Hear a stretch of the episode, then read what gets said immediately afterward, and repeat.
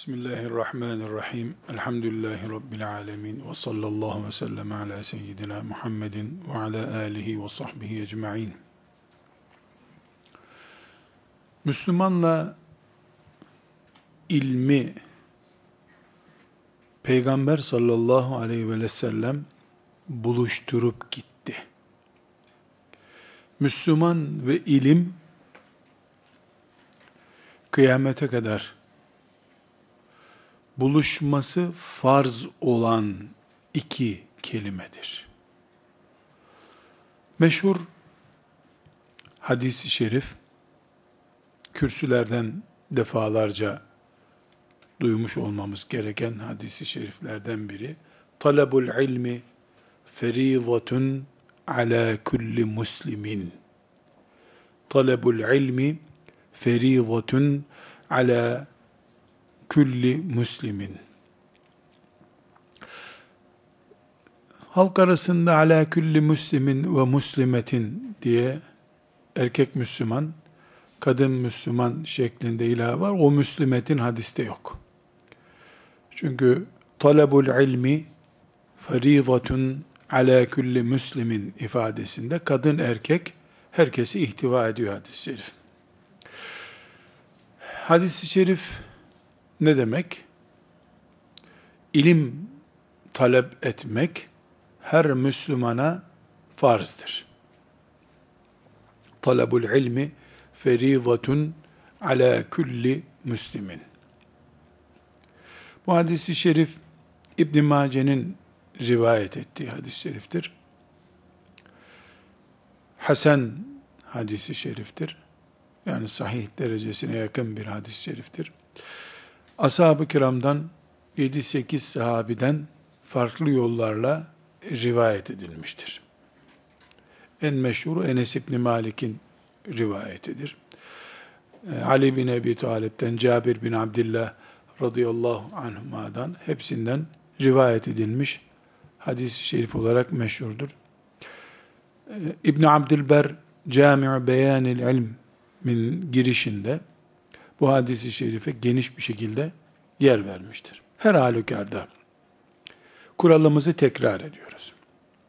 Kıyamet gününe kadar yeryüzünde Müslüman var oldukça, Müslüman ve ilim kelimeleri birbirine en çabuk kaynaşan iki kelime olmak zorundadır. Bu kuralı da Resulullah sallallahu aleyhi ve sellem koyup gitmiştir. Talebul ilmi feridatun ala kulli muslimin. İlim tahsil etmek her Müslümana farzdır. Farz ne demektir? Buna gireceğiz. Ama özellikle tekrar tekit ediyorum. Bu dersimizde Müslüman ve ilim ne kadar bir arada durmalıdır? Bunu tekit etmek istiyorum.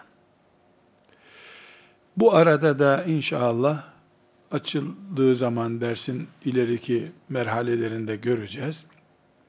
İlimle kastımız da sadece abdestin farzları değildir.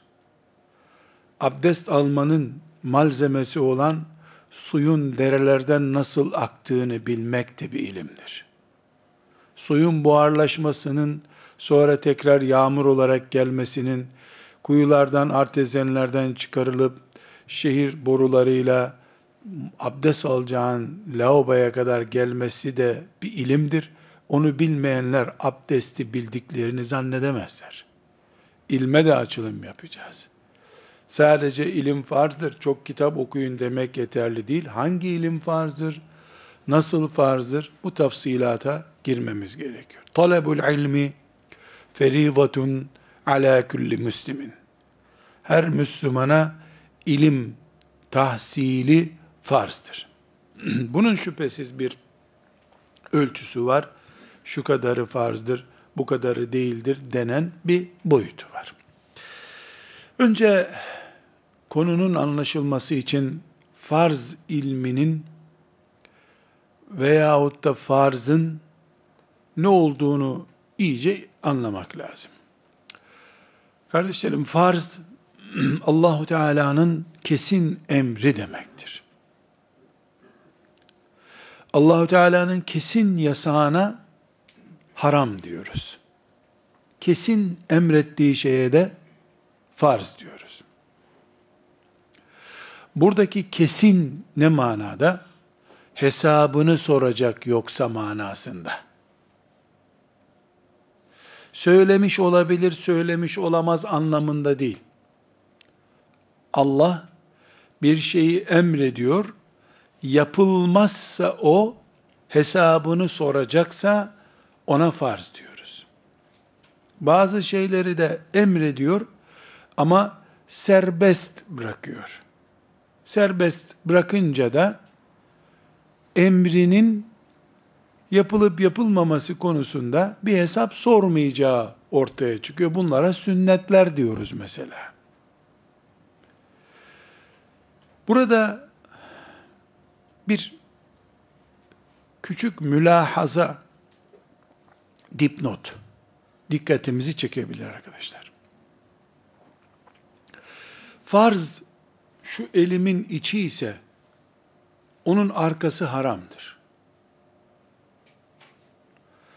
Haram buysa arkası farzdır. Dolayısıyla farzın konuşulduğu her yerde haram vardır. Haramın konuşulduğu her yerde de farz vardır. Çok kolay anlaşılır örnek vereyim. Sabah namazı nedir? Farzdır. Sabah namazının yerine getirilmemesi nedir? Haramdır. Bu kadar basit. Alkol nedir? Haramdır. Alkol kullanılmaması nedir? Farzdır. Farz ve haram ağırlık olarak birbirlerinin dengidirler. Ağırlık olarak, bağlayıcı, bağlayıcı olmaları bakımından, kesinlik göstermeleri bakımından. Alkol kullanmamak farzdır. Kullanmak haramdır. Anneye babaya iyi davranmak farzdır. Bunun ters tarafı bellidir. İyi davranmamak da haramdır demektir. Farzın negatifi mekruh olmaz. Haramın negatifi sünnet olmaz. Haramla farz, biri ön cephe, biri arka cephe gibidir. Hangisi ön cephe ol, olursa, arkası farzdır veya haramdır olur. Bu, hepimizin farz deyince aklına gelmesi gereken bir şeydir. Bu nedenle, bir Müslüman, Hatırlarsanız hadisi şerifi, hani Efendimiz sallallahu aleyhi ve sellem Müslümanın hanımıyla e, karılık kocalık hayatı yaşamasını sadaka sayıyordu. Nasıl olur ya Resulallah adam zevkini görüyor. Öyle yapmasa harama düşmeyecek miydi diyor. Harama düşecekti. Haramdan ters tarafta baktığında farz çıkıyor ortaya. Bu nedenle sabah namazı kılan bir mümin, Allah'ın farzlarından birini yerine getirdiği için hamd eder, bir harama düşmekten kurtulduğu için de hamd eder. Çünkü farzı yerine getirmek, haramdan kurtulmuş olmak demektir. Haramı yapmak da, o haramı yapmamak farzını ihmal etmek olduğu için bataklıktır zaten. Şimdi bu kaideyi şöyle genişlettiğimiz zaman üzücü bir sonuca ulaşıyoruz. Bizim için üzücü. İlim farz ise eğer ilimle daha sonra izah edeceğiz ne kadar nasıl bağlantımız olması gerektiğini. Bağlantısı olmayan Müslüman haram durumundadır. Bu haram zina gibi, faiz gibi, kumar gibi dosyası belli bir haram olmayabilir. Ama pozisyonu haram pozisyondur. Müslüman ve cahil kelimeleri bir arada kaldığında Müslüman ve haram kelimeleri bir arada kalmış demektir. Müslümanın ilme vakit bulamaması, farza vakit bulamaması demektir. Elbette farz boyutu farklı, tekrar tekit ediyorum. 20 sene bir medresede ilim okuyanla, 5 çocuk büyütmüş bir kadının ilim ihtiyacı da aynı değil, farz oranı da aynı değil. Ama herkesin La ilahe illallah Muhammedur Resulullah diyerek Müslüman olmuş herkesin ilimden nasibi olması gerekiyor. Beş çocuk sahibi bir annenin elbette kendi çapında sınırları var. O beş çocuğun maişeti için kömür ocağında çalışan bir babanın, tarlada çalışan bir babanın elbette kendi sınırları var. Ama sıfır ilimli Müslüman olmuyor. Bunu Allah kabul etmiyor. Sıfır ilim yok. Elbette İbni Abbas'ın radıyallahu anhuma bütün ayetler hakkındaki görüşlerini bilmek zorunda değil bir çiftçi. Elbette Fatiha suresinin e, kelime anlamından tefsirine kadar her şeyini bilmek zorunda değil. Fahruddin Razi'de Fatiha suresi bir cilt neredeyse. Bir cilt. E bunu elbette bir çiftçi bilemez. Belki bir cami imamı da bu oranda bilmeyebilir.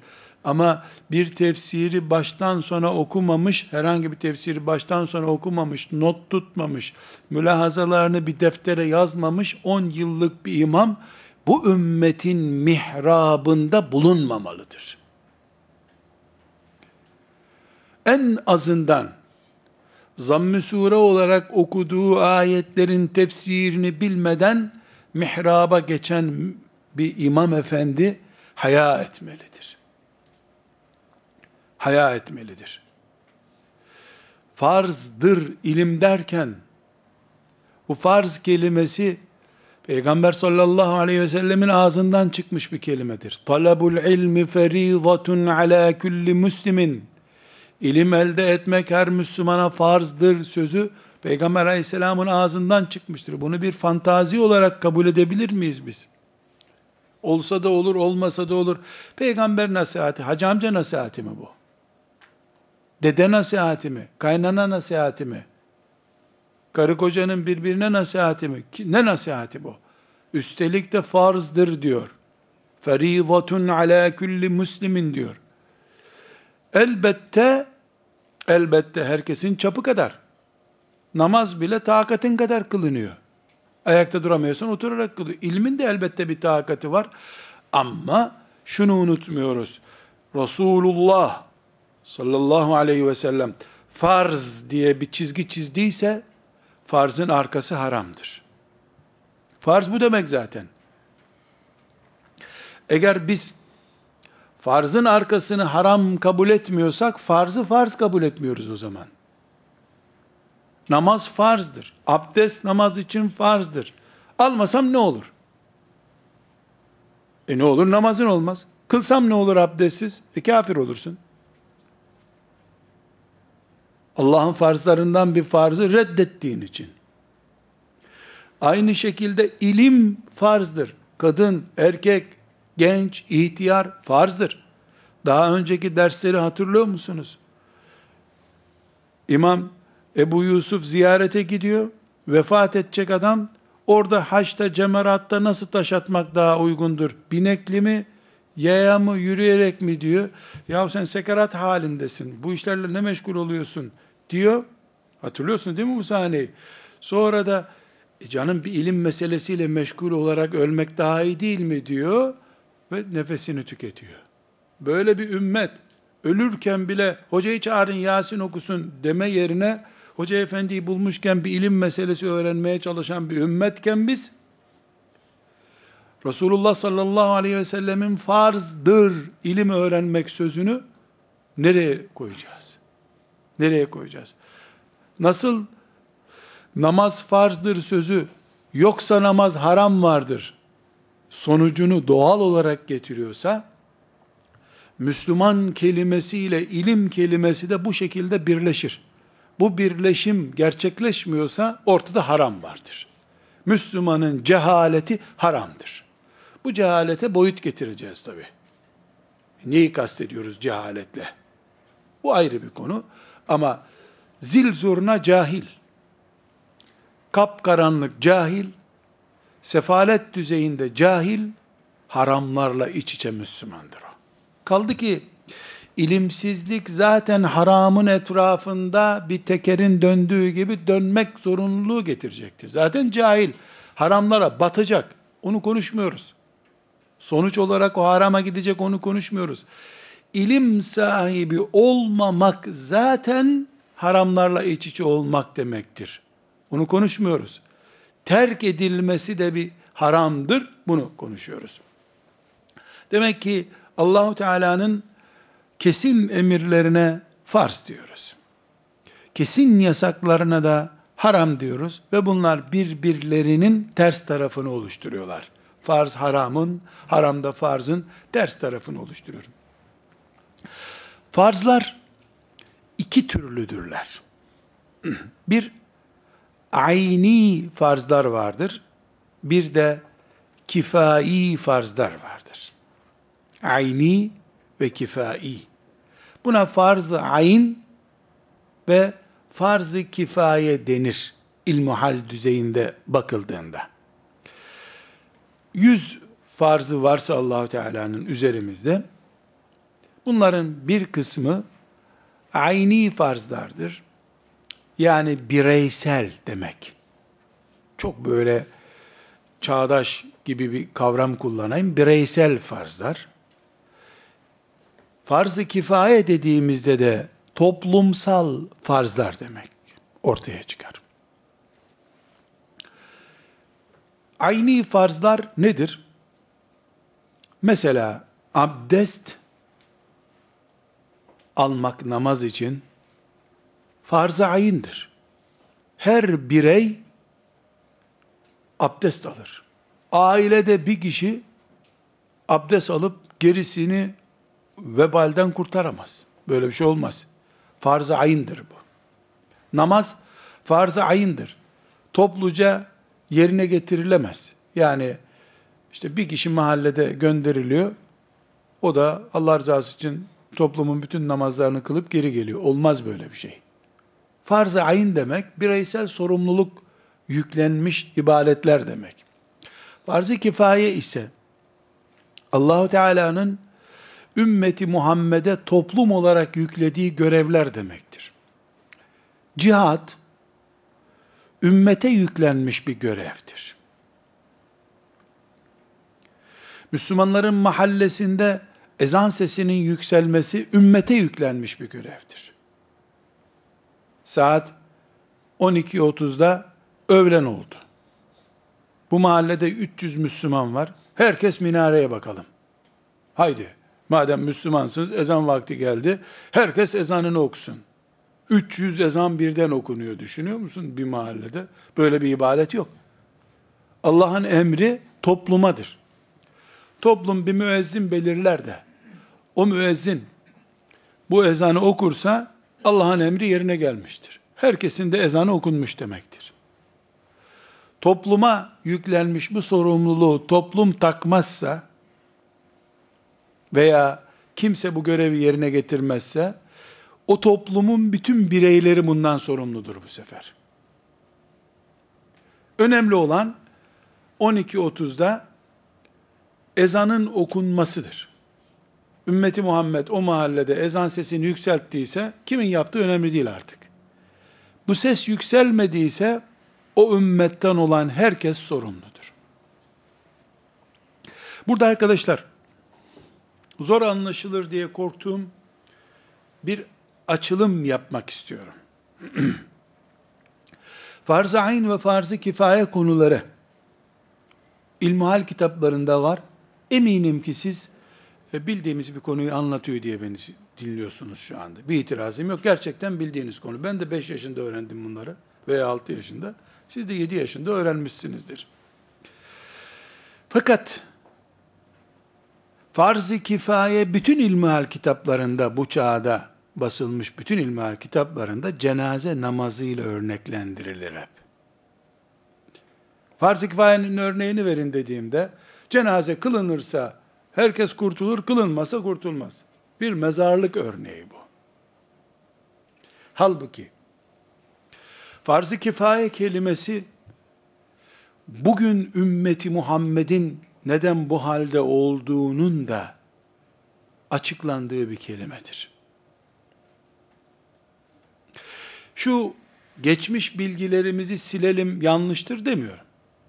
Ama fesubhanallah bu ümmetin cenazeye gelinceye kadar yaşayan hali yok mu hiç ki farz-ı kifayede sadece cenaze örneği verilir. Hep ölülerimizden mi din örneği vereceğiz? Mesela selam yaşayanla ilgili bir iştir. Toplu bir yerde bir kişi aleykümselam dediği zaman selama kifai bir görev yerine gelmiş olur. Bunu niye örnek ver? Yaşayan üzerinden niye örnek vermiyoruz? Kardeşlerim, buradaki mantık şudur. Rabbimiz iki çizgiyi çok iyi anlayalım. Rabbimiz sadece dünya küresi üzerinde değil, kainatın tamamında hükmedecek bir şeriat göndermiştir. Dünyasından, merihinden, şusundan busuna kadar yeryüzünün tamamında, uzayın her tarafında hükmü cari olsun diye Allah şeriat göndermiştir. Bu bir. İki, yani birinci çizgide ne diyoruz? Allah, Merih'ten Münih'e kadar, İstanbul'dan Güney Kutbu'na kadar, her yerde şeriat, Allah'ın şeriatı olsun.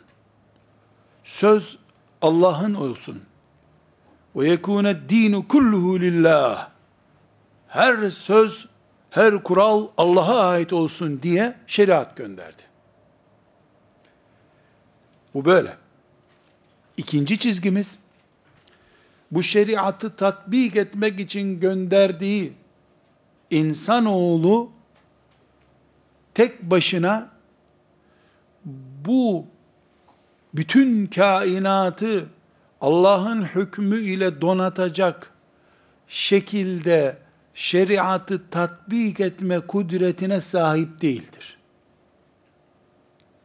Bir insan bunu yapamaz. Tek başına yapamaz. Birinci çizgimizde ne dedik? Allah, kainatın tamamında şeriatı cari olsun. Dağlar, taşlar, kuzular, kurtlar, böcekler, otlar ve insan, melekler ve cinler, herkes Allah'ın hükmünün önünde secdeye kapanmış olsun. Fiilen ve kavlen, şuurla, idrakle bunu yapmış olsun istiyor Allah.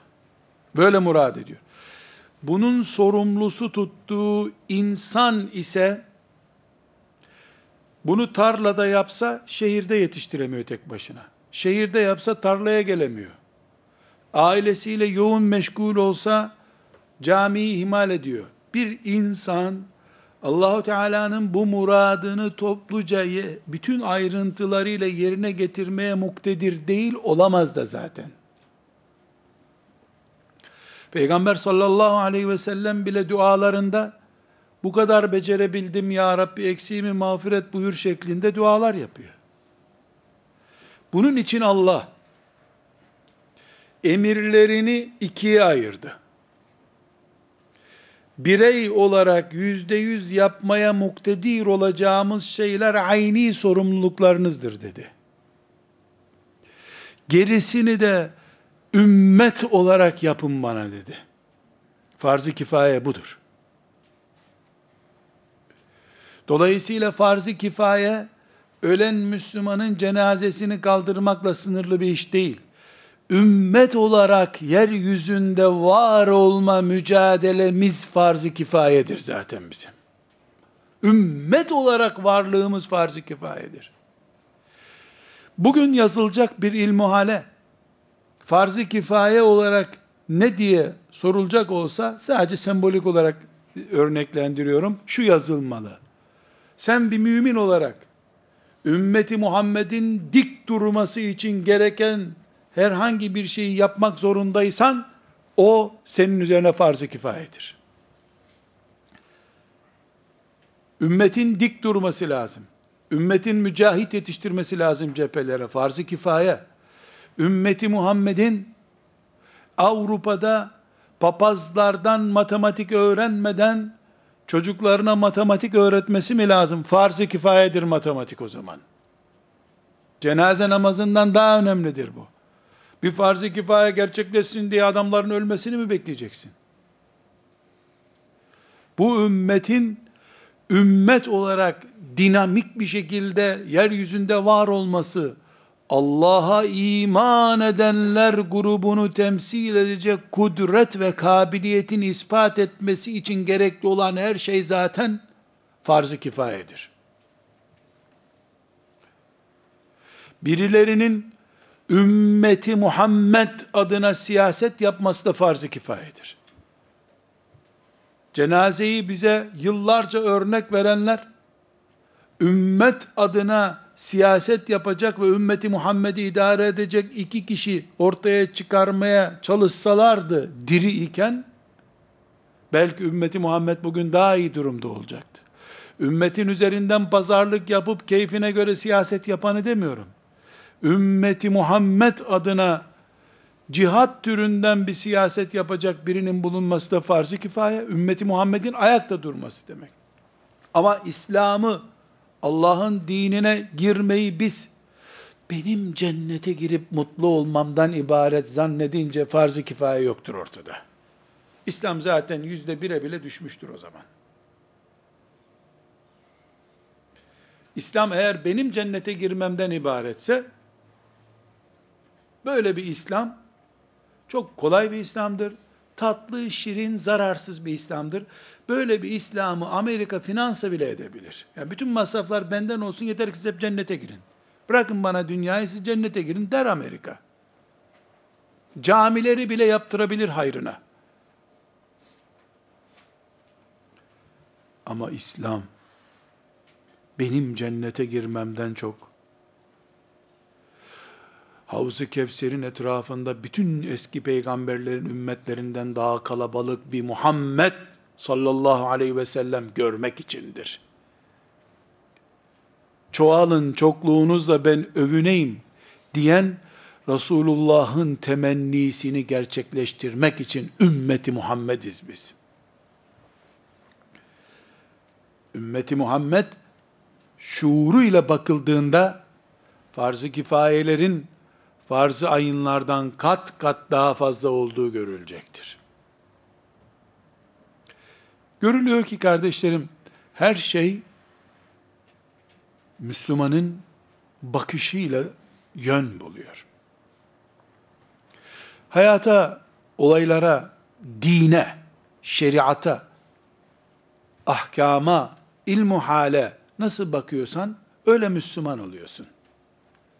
Sadece sen, sana ilmihal öğreten hocan ve beraber hacca gittiğiniz hacı arkadaşın, bir de e sizin köyde herkes tabii çok değerli insanlar. Çoğu da akraban zaten. Bir de onlar. E bir de e, beraber yaşadığınız ülkede aynı vergiyi verdiğiniz ülke vatandaşların cennete girdiniz bir yeter. Gerisine gerek yok zaten. Böyle düşünürsen bu kadar farza da gerek yok. Kur'an'ın bu kadar çok ayetine de gerek yoktu o zaman. Allahu Teala'nın bizi şehirlerin içinde yaratmasına da gerek yoktu. Her birimizi köyün bahçesinde 3 sene 5 sene yaratıp ahirete alıp tertemiz cennete girerdik zaten. Niye Rabbimiz rengarenk, karman çorman olmuş bir hayatın içerisinde mümin olarak bana dönün istiyor? Niye şeytanı sürekli müminden daha aktif hale getiriyor Allah? Neden kafirler hayatı çok daha iyi değerlendiriyorlar? Neden kafirler genelde hep daha güçlü görünüyorlar? Niye Allah ona iman eden kullarına sürekli melekleri gönderip Bedir'de olduğu gibi promosyon destekle kafirleri ezdirmiyor. Hayatın imtihan olduğu nasıl ortaya çıkacak o zaman? Kimin hangi enerjiyi harcayarak geldiğini nasıl test edecek melekler kıyamet günü? Eğer bu kabileye bağlantılara göre olacak olsaydı Ebu Talib'in şimdi cennetin en üst köşesinde olması lazımdı. Dünyada Peygamber aleyhisselama en büyük iyiliği yapan insan. Yeryüzünde yaşadığımız hayat, dünya demiyorum. İslam için dünya bir cami kadardır. Dünya değil. Kainat Allah'ın şeriatının hizmetinde olacak. Güneş mümine sabah namazında kandil olmak için vardır bu kainatta. Sahhara lekum sahhara lekum ne varsa göklerde yerde hizmetinize sunduk Allah buyuruyor. Güneş mümin sabah namazında giderken camiye duvara çarpmasın diye aydınlatmak için vardır. Mücahitlerin yiyeceği sandövücün oluşacağı buğdayı büyütmek için vardır yeryüzünde güneş. وَسَخَّرَ lekum. Her şeyi sizin hizmetinize verdi Allah. Neyin karşılığında? Kainat Allah'a secde etme kıvamında olsun diye. Böyle büyük bir dini, böyle büyük bir şeriatı cenaze ile örneklendirmek olur mu canım? Elbette cenaze de farz-ı kifayelerden bir farz-ı kifayedir. Ama şunu anlamamız lazım. Bir örnek talebeye 5 yaşında öğretildiğinde 55 sene, 85 sene belki o örnek üzerinden din anlaşılacak demektir. Örnek seçilirken hayatın aktif alanlarından niye seçilmesin? Yok mu? Selam en basit örneği bunun işte. Ama bunu ben bir tenkit, ayıplama için değil, ufkumuzu daha geniş alanlara açmak için örneklendiriyorum.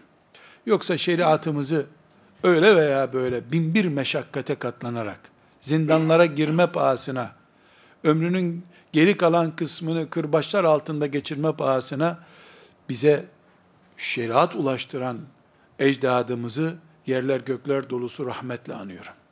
Elbette Allah onları rahmet eylesin. Ama bugün biz ümmetimizin şeriat idrakini, din idrakini yeni bir perspektiften yola çıkarak esası, orijinali de bozmadan Allah'ın şeriatı olan Kur'an'ı, Resulullah sallallahu aleyhi ve sellemin sünnetini, ümmeti Muhammed'in uzamasının icmaını, hiçbirini yerinden sarsmadan, Ebu Hanife'yi basit görmeden, Muhammed bin İdris'i hafife almadan, Ahmet bin Hanbel'in yeriyle oynamadan, bu ümmetin orijinal değerleri üzerinden İslam'ı bu asrın kapasitesiyle bilgisayar, internet globallığı idrak etmek zorundayız. Bir basit internetin bile dünyayı avucunun içine aldığı bir çağda cenazelerle sınırlandırılmış İslam, İslam'a zulümdür. İnternet bile nedir ki basit bir icat insanoğlu için. Çocuklar bile internet üzerinden istediklerini yapar hale geldiler. İslam internetten daha kapsam alanı zayıf bir din olarak görülemez, gösterilemez. Allah'ın şeriatına karşı sui edeptir bu. Bu sebeple kardeşlerim farz-ı ayın ve farz-ı kifaye kavramına şu pencereden bakalım artık. Ha filanca hoca efendi böyle bakmıyormuş.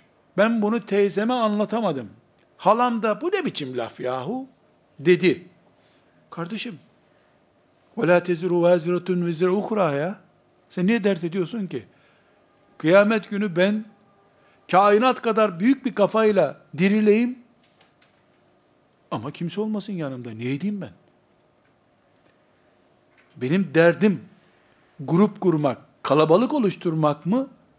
Rabbimin emanetini hakkıyla yerine getirmek mi? Derdim ne benim? Kalabalık olmak. Zaten batıl bir yoldasın sen. Hayır benim derdim ben idrak ettim, ümmetim de idrak etsin. Bir kişi daha idrak etsin. Çok güzel. Boş versen o zaman. Nice peygamberler iki kişi bile yanında olmadan dirilecekler. Ama Allah'ın izniyle mağlup dirilmeyecekler. Farz kelimesini açtık. Farz-ı ayın var, farz-ı kifaye var dedik ve penceremizin çerçevesini çizdik. Benim baktığım pencereden kainat görülmeli. Merih'te birisi dolaşıyorsa ben buradan görmeliyim onu. Jüpiter'de dolaşan biri olabilir, buradan görmeliyim onu ben. Yan mahalleyi demiyorum. Yan uyduları diyorum. Galaksiyi izlemeliyim buradan. Çünkü sözünü ettiğin o uyduymuş bilmem neymiş Rabbimin mülkü. Amerika'nın keşfi değil, Rabbimin mülkü. Rabbimin sözünün geçeceği yer orası.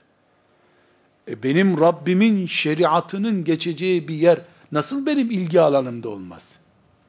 El koyamayabilirim. Ayak basamayabilirim. Ama beynimi basarım oraya. Beynimi koyarım, idrakimi koyarım. Günün birinde de inşallah ayağımı da basarım, benden önce ayak basana da basarım orada Allah'ın izniyle. Yeter ki bu idrake ben bir kere kavuşmuş olayım. Ve ne dedik? Kainat çaplı, çerçevesinden kainat görülen bir dinin İlmuhal kitabında farz-ı kifaye cenaze ile sınırlandırılamaz. Kainatla sınırlandırılmalı. Bunun için kuralımızı koyduk. Bireysel yapılan işleri farz-ı ayin diye anıyoruz. Rabbimizin kesin emirleridir diyoruz. Farz-ı kifayeyi de ne olarak anlıyoruz? Rabbimizin ümmeti Muhammed'e yüklediği, topluca bunları yapıverin dediği şeylere diyoruz. Bunların ayrıntılarına gireceğiz. Genel bir giriş yaptık. İkinci olarak kardeşler, ilim konusunda, ilim kelimesi konusunda açılım yapmam gerekiyor. İlim, önce ikiye ayrılmalı. Hani talabul ilmi ferizatun ala kulli muslimin dedik mi? Talabul ilmi feridatun ala kulli muslimin. Bu fariza olan, Allah'ın kat'i emri olan ilim iki türlüdür. Bir gayb ilmi vardır. Bir ortada olan herkesin gözü önündeki ilimler vardır. Gayb ilmi Allahu Teala'nın bildiği şeyler demektir. Peygamberi dahil peygamberi dahil, peygamber sallallahu aleyhi ve sellem dahil, gayb gizlidir. Allah bilir sadece. Kul la a'lemul gayb. Gaybı bilmem de Allah buyuruyor. Gayb yok. Bildirdiği kadarını peygamberi bilir. Sallallahu aleyhi ve sellem. Diğer ilimler gayb olmayan ilimler, namaz ilmi, ziraat ilmi, tefsir ilmi, matematik ilmi, biyoloji ilmi, tarih ilmi, siyaset ilmi, bunlar ortada olan ilimlerdir. Bizim sözünü ettiğimiz talabul ilmi ferizatun ala kulli muslimin gayb olmayan bütün ilimler için geçerlidir. Allah'ın gayb dediği, yani gizli tutup, kendisine mahsus tuttuğu şeyler, ne mümin ne kafir, insanın öğrenemeyeceği şeylerdir. Dolayısıyla bunlar zaten farz değildir. Burada bir mülahazayı, yani dipnotu açmamda fayda var. Kıyamet günü Rabbim huzuruna kabul buyurduğunda beni, onu orada söylemedin. İnsanlar da seni dikkatli dinliyorlardı. Sen söylemediğin için o gafletleri devam etti der diye korkuyorum. Kardeşlerim, bu ümmetin cenderelerinden biri Allah'ın dininin insanların menfaatine, çıkarına hizmet etmek için kullanılmasıdır. bu insanların menfaatine kullanılacak tarzdaki hastalıklardan biri de bazı kulların peygamber bile olmadıkları halde gaybı bilebileceklerine dair kanaatleridir. Maazallah. Nauzu billah. Adı şeyhmiş. Hocaymış, alimmiş, müştehitmiş. Hiçbir kimlik, vasıf bir insanın gayba ait bir şeyi bilmesine kolaylık getirmez. Gayb nedir arkadaşlar? Kim ne zaman ölecek, kim ne zaman olacak? Göklerde ne var? Allahu Teala neyi neden yaptı, nasıl yaptı? Cennette ne var? Cehennemde ne var? Cehenneme kim gidecek, cennete kim gidecek? Yani Rabbimizin gözümüzün önüne koymadığı, ayetlerde, hadislerde bildirmediği şeyler gayb bilgileridir. İnsanların evdeki hayatını başka birisi bir filmini izlemedikçe bilmemesi gerekiyor.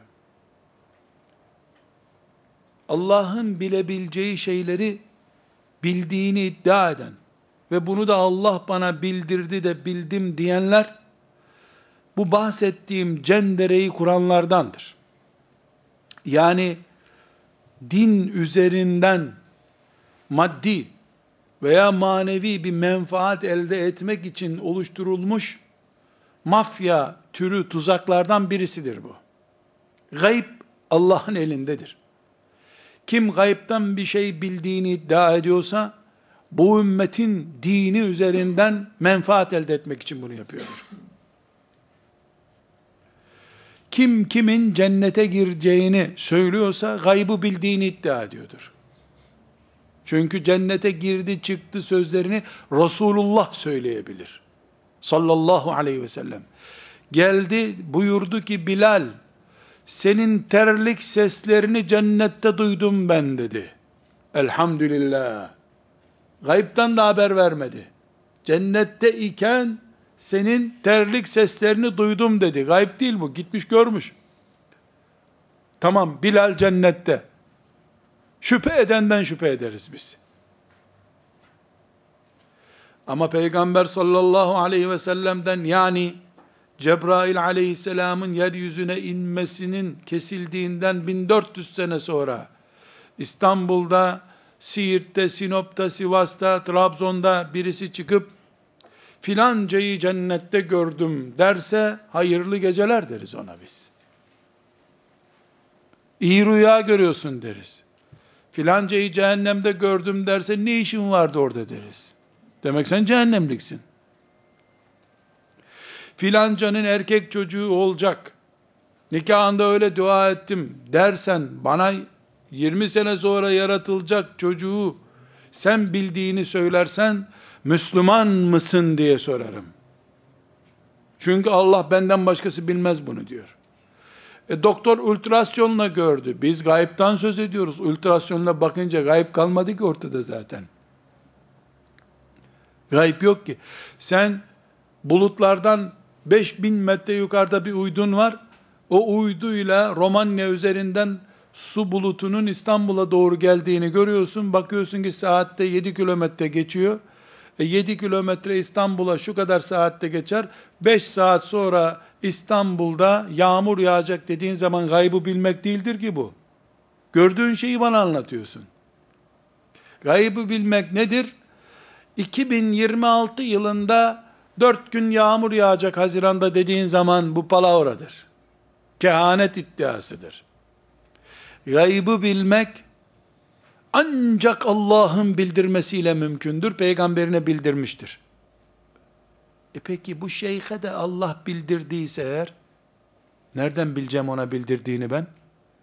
Allah bana bildirdi derken bir belgesi yok ki.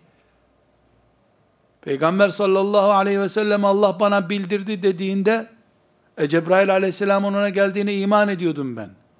E Cebrail'in işi bitti bu dünyada. Senin de Cebrail'le bağlantın olduğuna inanmıyorum ki ben. E içime doğdu. İçinle sen baş başa kal. Biz senin içinde değiliz, dışındayız. Sonra bu ümmetin zahiri olan, herkesin gözü önünde olan bunca bilgisi bitti de niye gizli saklı bilgiyle beni meşgul ediyorsun? Kardeşlerim, yer altına geçmiş örgüt nasıl bir devlet için tehlikeliyse, alimler, ümmetin önderleri, meşayih, ulema, müştehitler de kitabi bilgilerden taşıyıp yeraltı bilgilerine, gaybı bilgilere sevk ettikleri zaman Müslümanları ümmet için aynı tehlikeyi oluşturuyorlar. Bütün dünya devletleri ne yapıyor? Onu yıkmak için planlar kuran bir gruba bile parti kurun size yardım edeyim diyor. Parti kurduruyor, masraflarını veriyor. Yeter ki ortada göreyim sizin nerede ne yaptığınızı. Yıkın bu devleti ama ortada olun diyor. Çünkü yerin altına geçmiş her örgüt izlenemez durum. İzlenemediği için ne yaptığını bilemiyorsun. Keyfine göre yaşıyor. Ümmeti Muhammed'in kütüphanelerindeki bilgiler ki Kur'an bir numaralı kütüphane kitabımızdır. Budur bizi bağlayan, budur peşinden gittiğimiz. Resulullah sallallahu aleyhi ve sellemin sünneti Ebu Hanife'nin iştihadıdır muteber olan. Yeraltı türündeki bilgiler olan benim içime doğdu türünden sen kimsin senin içine ne doğdu? Biz senin içini denetleyemiyoruz. Ebu Hanife'nin kıyasını gördük. Ebu Hanife'nin iştihadını görüyoruz. Şuna şuna dayandırdım diyor. Sen nere dayandırıyorsun? Sen nere dayandırıyorsun? Sen nere yaslanıyorsun ki senin içindeki dayanağı keşfedelim biz. Bu sebeple ümmeti Muhammed'in kütüphanelere taşınmayan bilgiler yüzünden çektiğini tarih gösteriyor bize.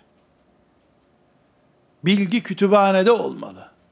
Ne yazık ki böyle başka türlü bilgilerle yani şeriatımızın esası olan Kur'an, sünnet, ulemamızın icmaı, fukahamızın kıyası ve benzeri delillerle önümüze konmamış bilgiler etrafındaki oluşmuş bilgiler ve o bilgilerden kaynaklanan çalışmalar yeraltı faaliyetleridir.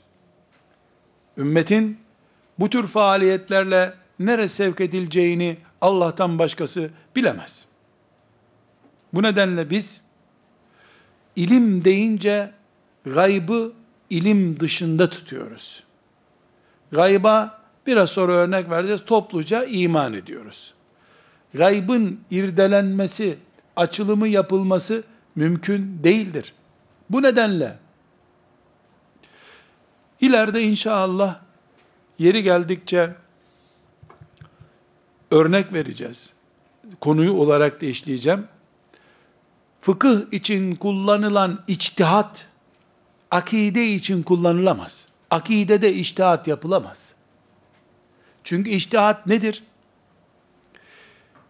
Var olana kıyas ederek yeni çıkanı ilave etmek demektir. Akide yani iman Allah ve peygamberi tarafından belirlenip kapatılmış şeylerdir. İmanın altı esası vardır. Müştehitlerimiz bunu sekize çıkarabilirler mi? Müştehitlerimiz bunu dörde düşürebilirler mi? Hayır. Oynanamaz şeydir bunlar. İman zihni bir değerdir. Bunların üzerinde fıkıhta bildiğimiz manasıyla iştihat yapılamaz.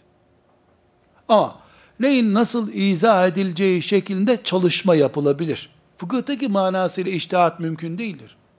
Fakat bir Müslümanın mesela şu şekilde e, eski dönemde olmayan bir örneğini verelim. Mesela bir Müslüman böbreklerindeki rahatsızlık nedeniyle cihaza bağlanıp haftanın iki günü kan e, nakli yapılıyor diyelim. Bu nedir? 5 e, saat sürecek bir çalışma bu. 5 saat Müslümanın kolundan kan giriyor, kan çıkıyor. Tam anlamıyla abdest bozuluyor. Bu Müslüman haftada üç gün bu cihaza giriyor. Kan filtreleme cihazına giriyor. Başka türlü yaşayamıyor. Bu Müslüman namaz kılacak mı kılmayacak mı? Elbette kılacak. Haftada üç gün, iki vakit. Zaten o cihazdan çıkınca yarı baygın olduğu için zaten namaz kılamıyor. Dolayısıyla bari o cihazdayken namaz kılsın diyoruz. E nasıl kılacak? Kan, 5 litre kan akıyor vücudundan bir saatte. Nasıl çıkacak? Ha, bunun için müştehitler iştihad ederler. Aynı şeyi Müslümanlar meleklere inanırken şöyle bir sorun yaşadılar. Bundan sonra meleklere iman böyle olsun diye bir iştihat yapabilirler mi? Bu nedenle fıkıhta olduğu gibi bir iştihat akidede olamaz diyoruz. İmanla oynanmış olur aksi takdirde.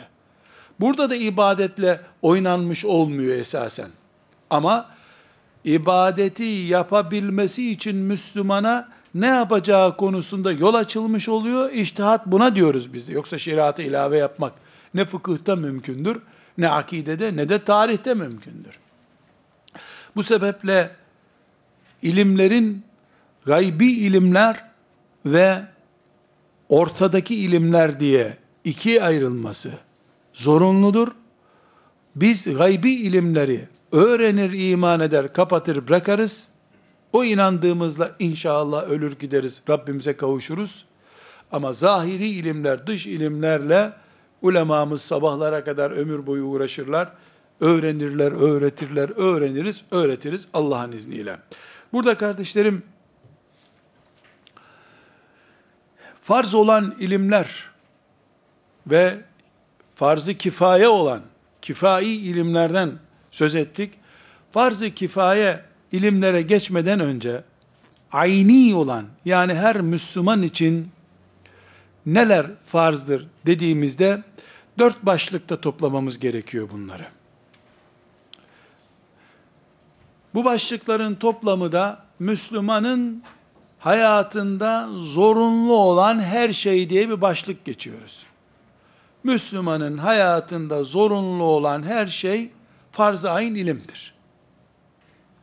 Bir şey seni ne kadar kendine bağlıyorsa onun bilgisi de o kadar zorunludur. Günde beş kere mecburen kılman gereken namaz bilgisi de namaz oranında mecburidir. Cenaze senin üzerine sabah namazı gibi farz bir ilim olmadığı için bilgisi de o oranda farz değildir. Dikkat ederseniz sabah namazı kılınacağı zaman imam geri dönüp, Müslüman kardeşlerim, iki rekattır, iki rükûmuz, dört secdemiz vardır.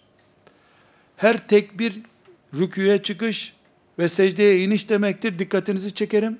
Birinci rekatta Fatiha okuyacağız. Sübhaneke'den sonra ve Celle Senake yok. İkinci rekatta e, Sübhaneke yok. E, Fatiha ile direkt başlayacağız.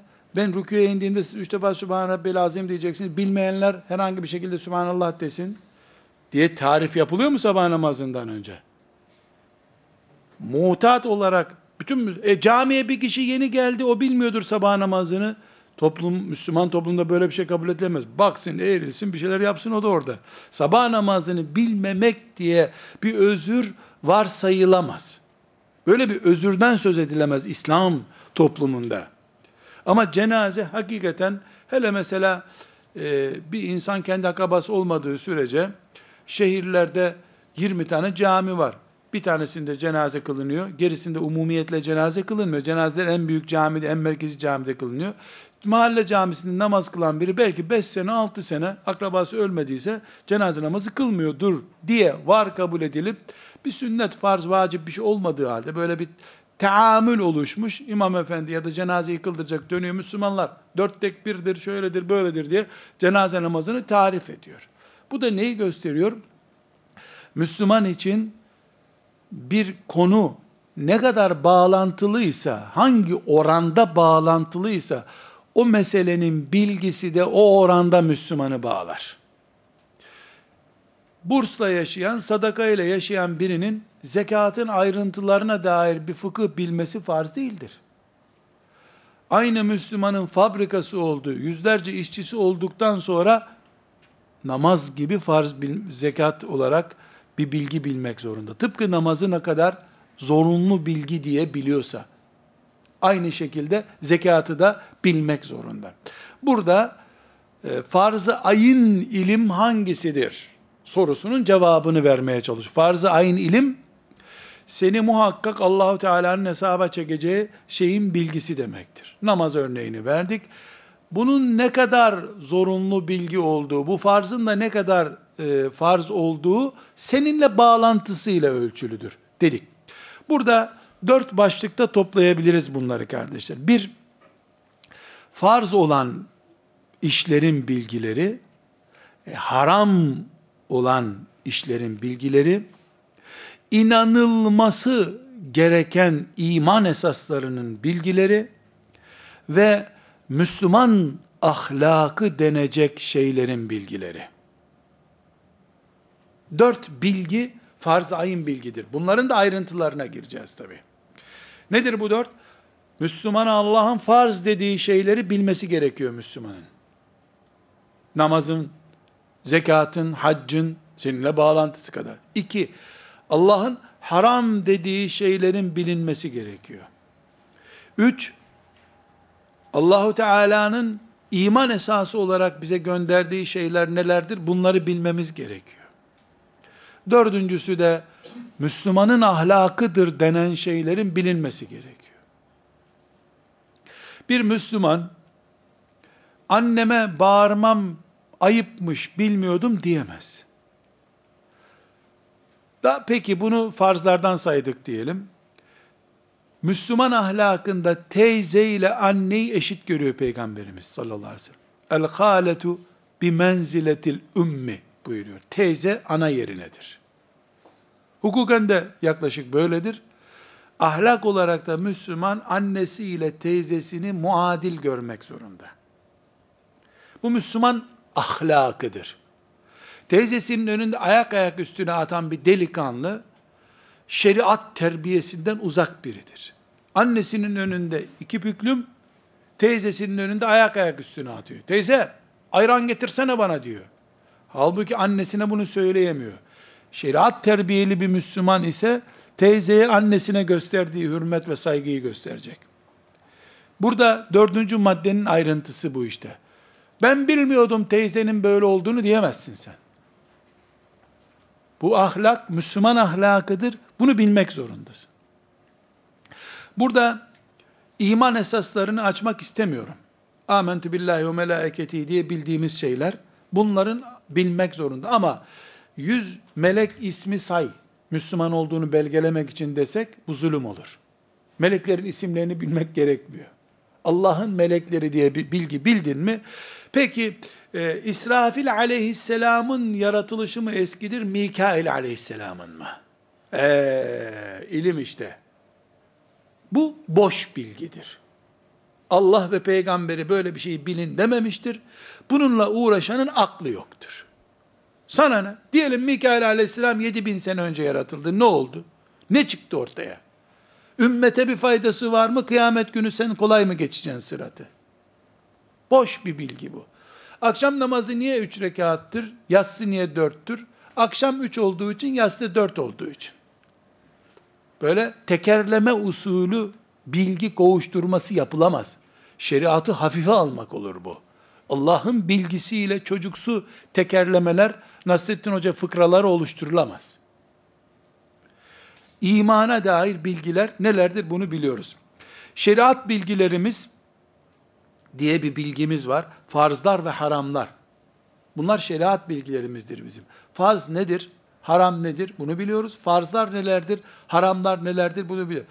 Zina, rüşvet, yalan şahitlik, özellikle yalan yere şahitlik. Mesela haramları sayın dediğimizde işte adam öldürmek. Ulan dünyada adam öldürmenin serbest olduğu bir yer yok ki İslam mı serbest yapacaktı bunu? Ama yalan yere şahitlik yapmayı, he he görmüştüm öyleydi demeyi, zina gibi, insan öldürmek gibi suç sayan peygamberin var senin.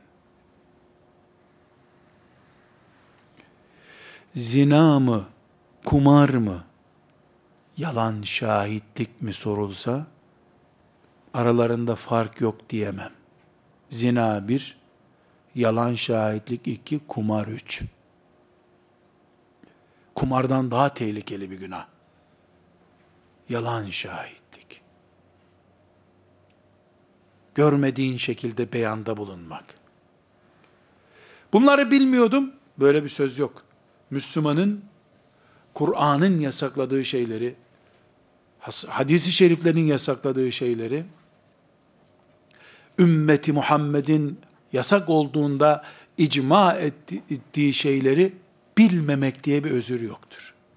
Bunlar doğal bilgilerdir Müslüman için. Filancanın filancada gördüğü rüya ise doğal bilgi değildir. Ekstra lüks bilgidir. Bu sebeple biz Müslümanların bilgisi, bilmesi gereken şey, farz bilgi, farz-ı ayın bilgi, farz-ı kifaye bilgi dediğimizde bu değerler üzerinden oturuyoruz. İman esaslarımız biliniyor. Bu iman esaslarının ayrıntısı gerekmiyor.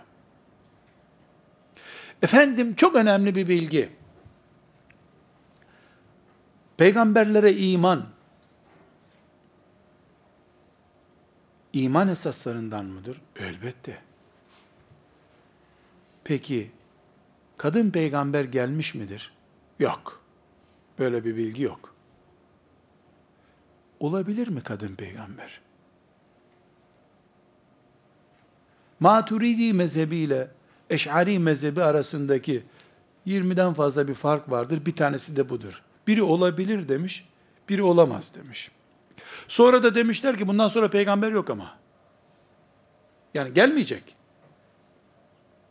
Olabilir miydi? Gönderebilir miydi? Allah gönderemez miydi? Tartışmanın özeti bu.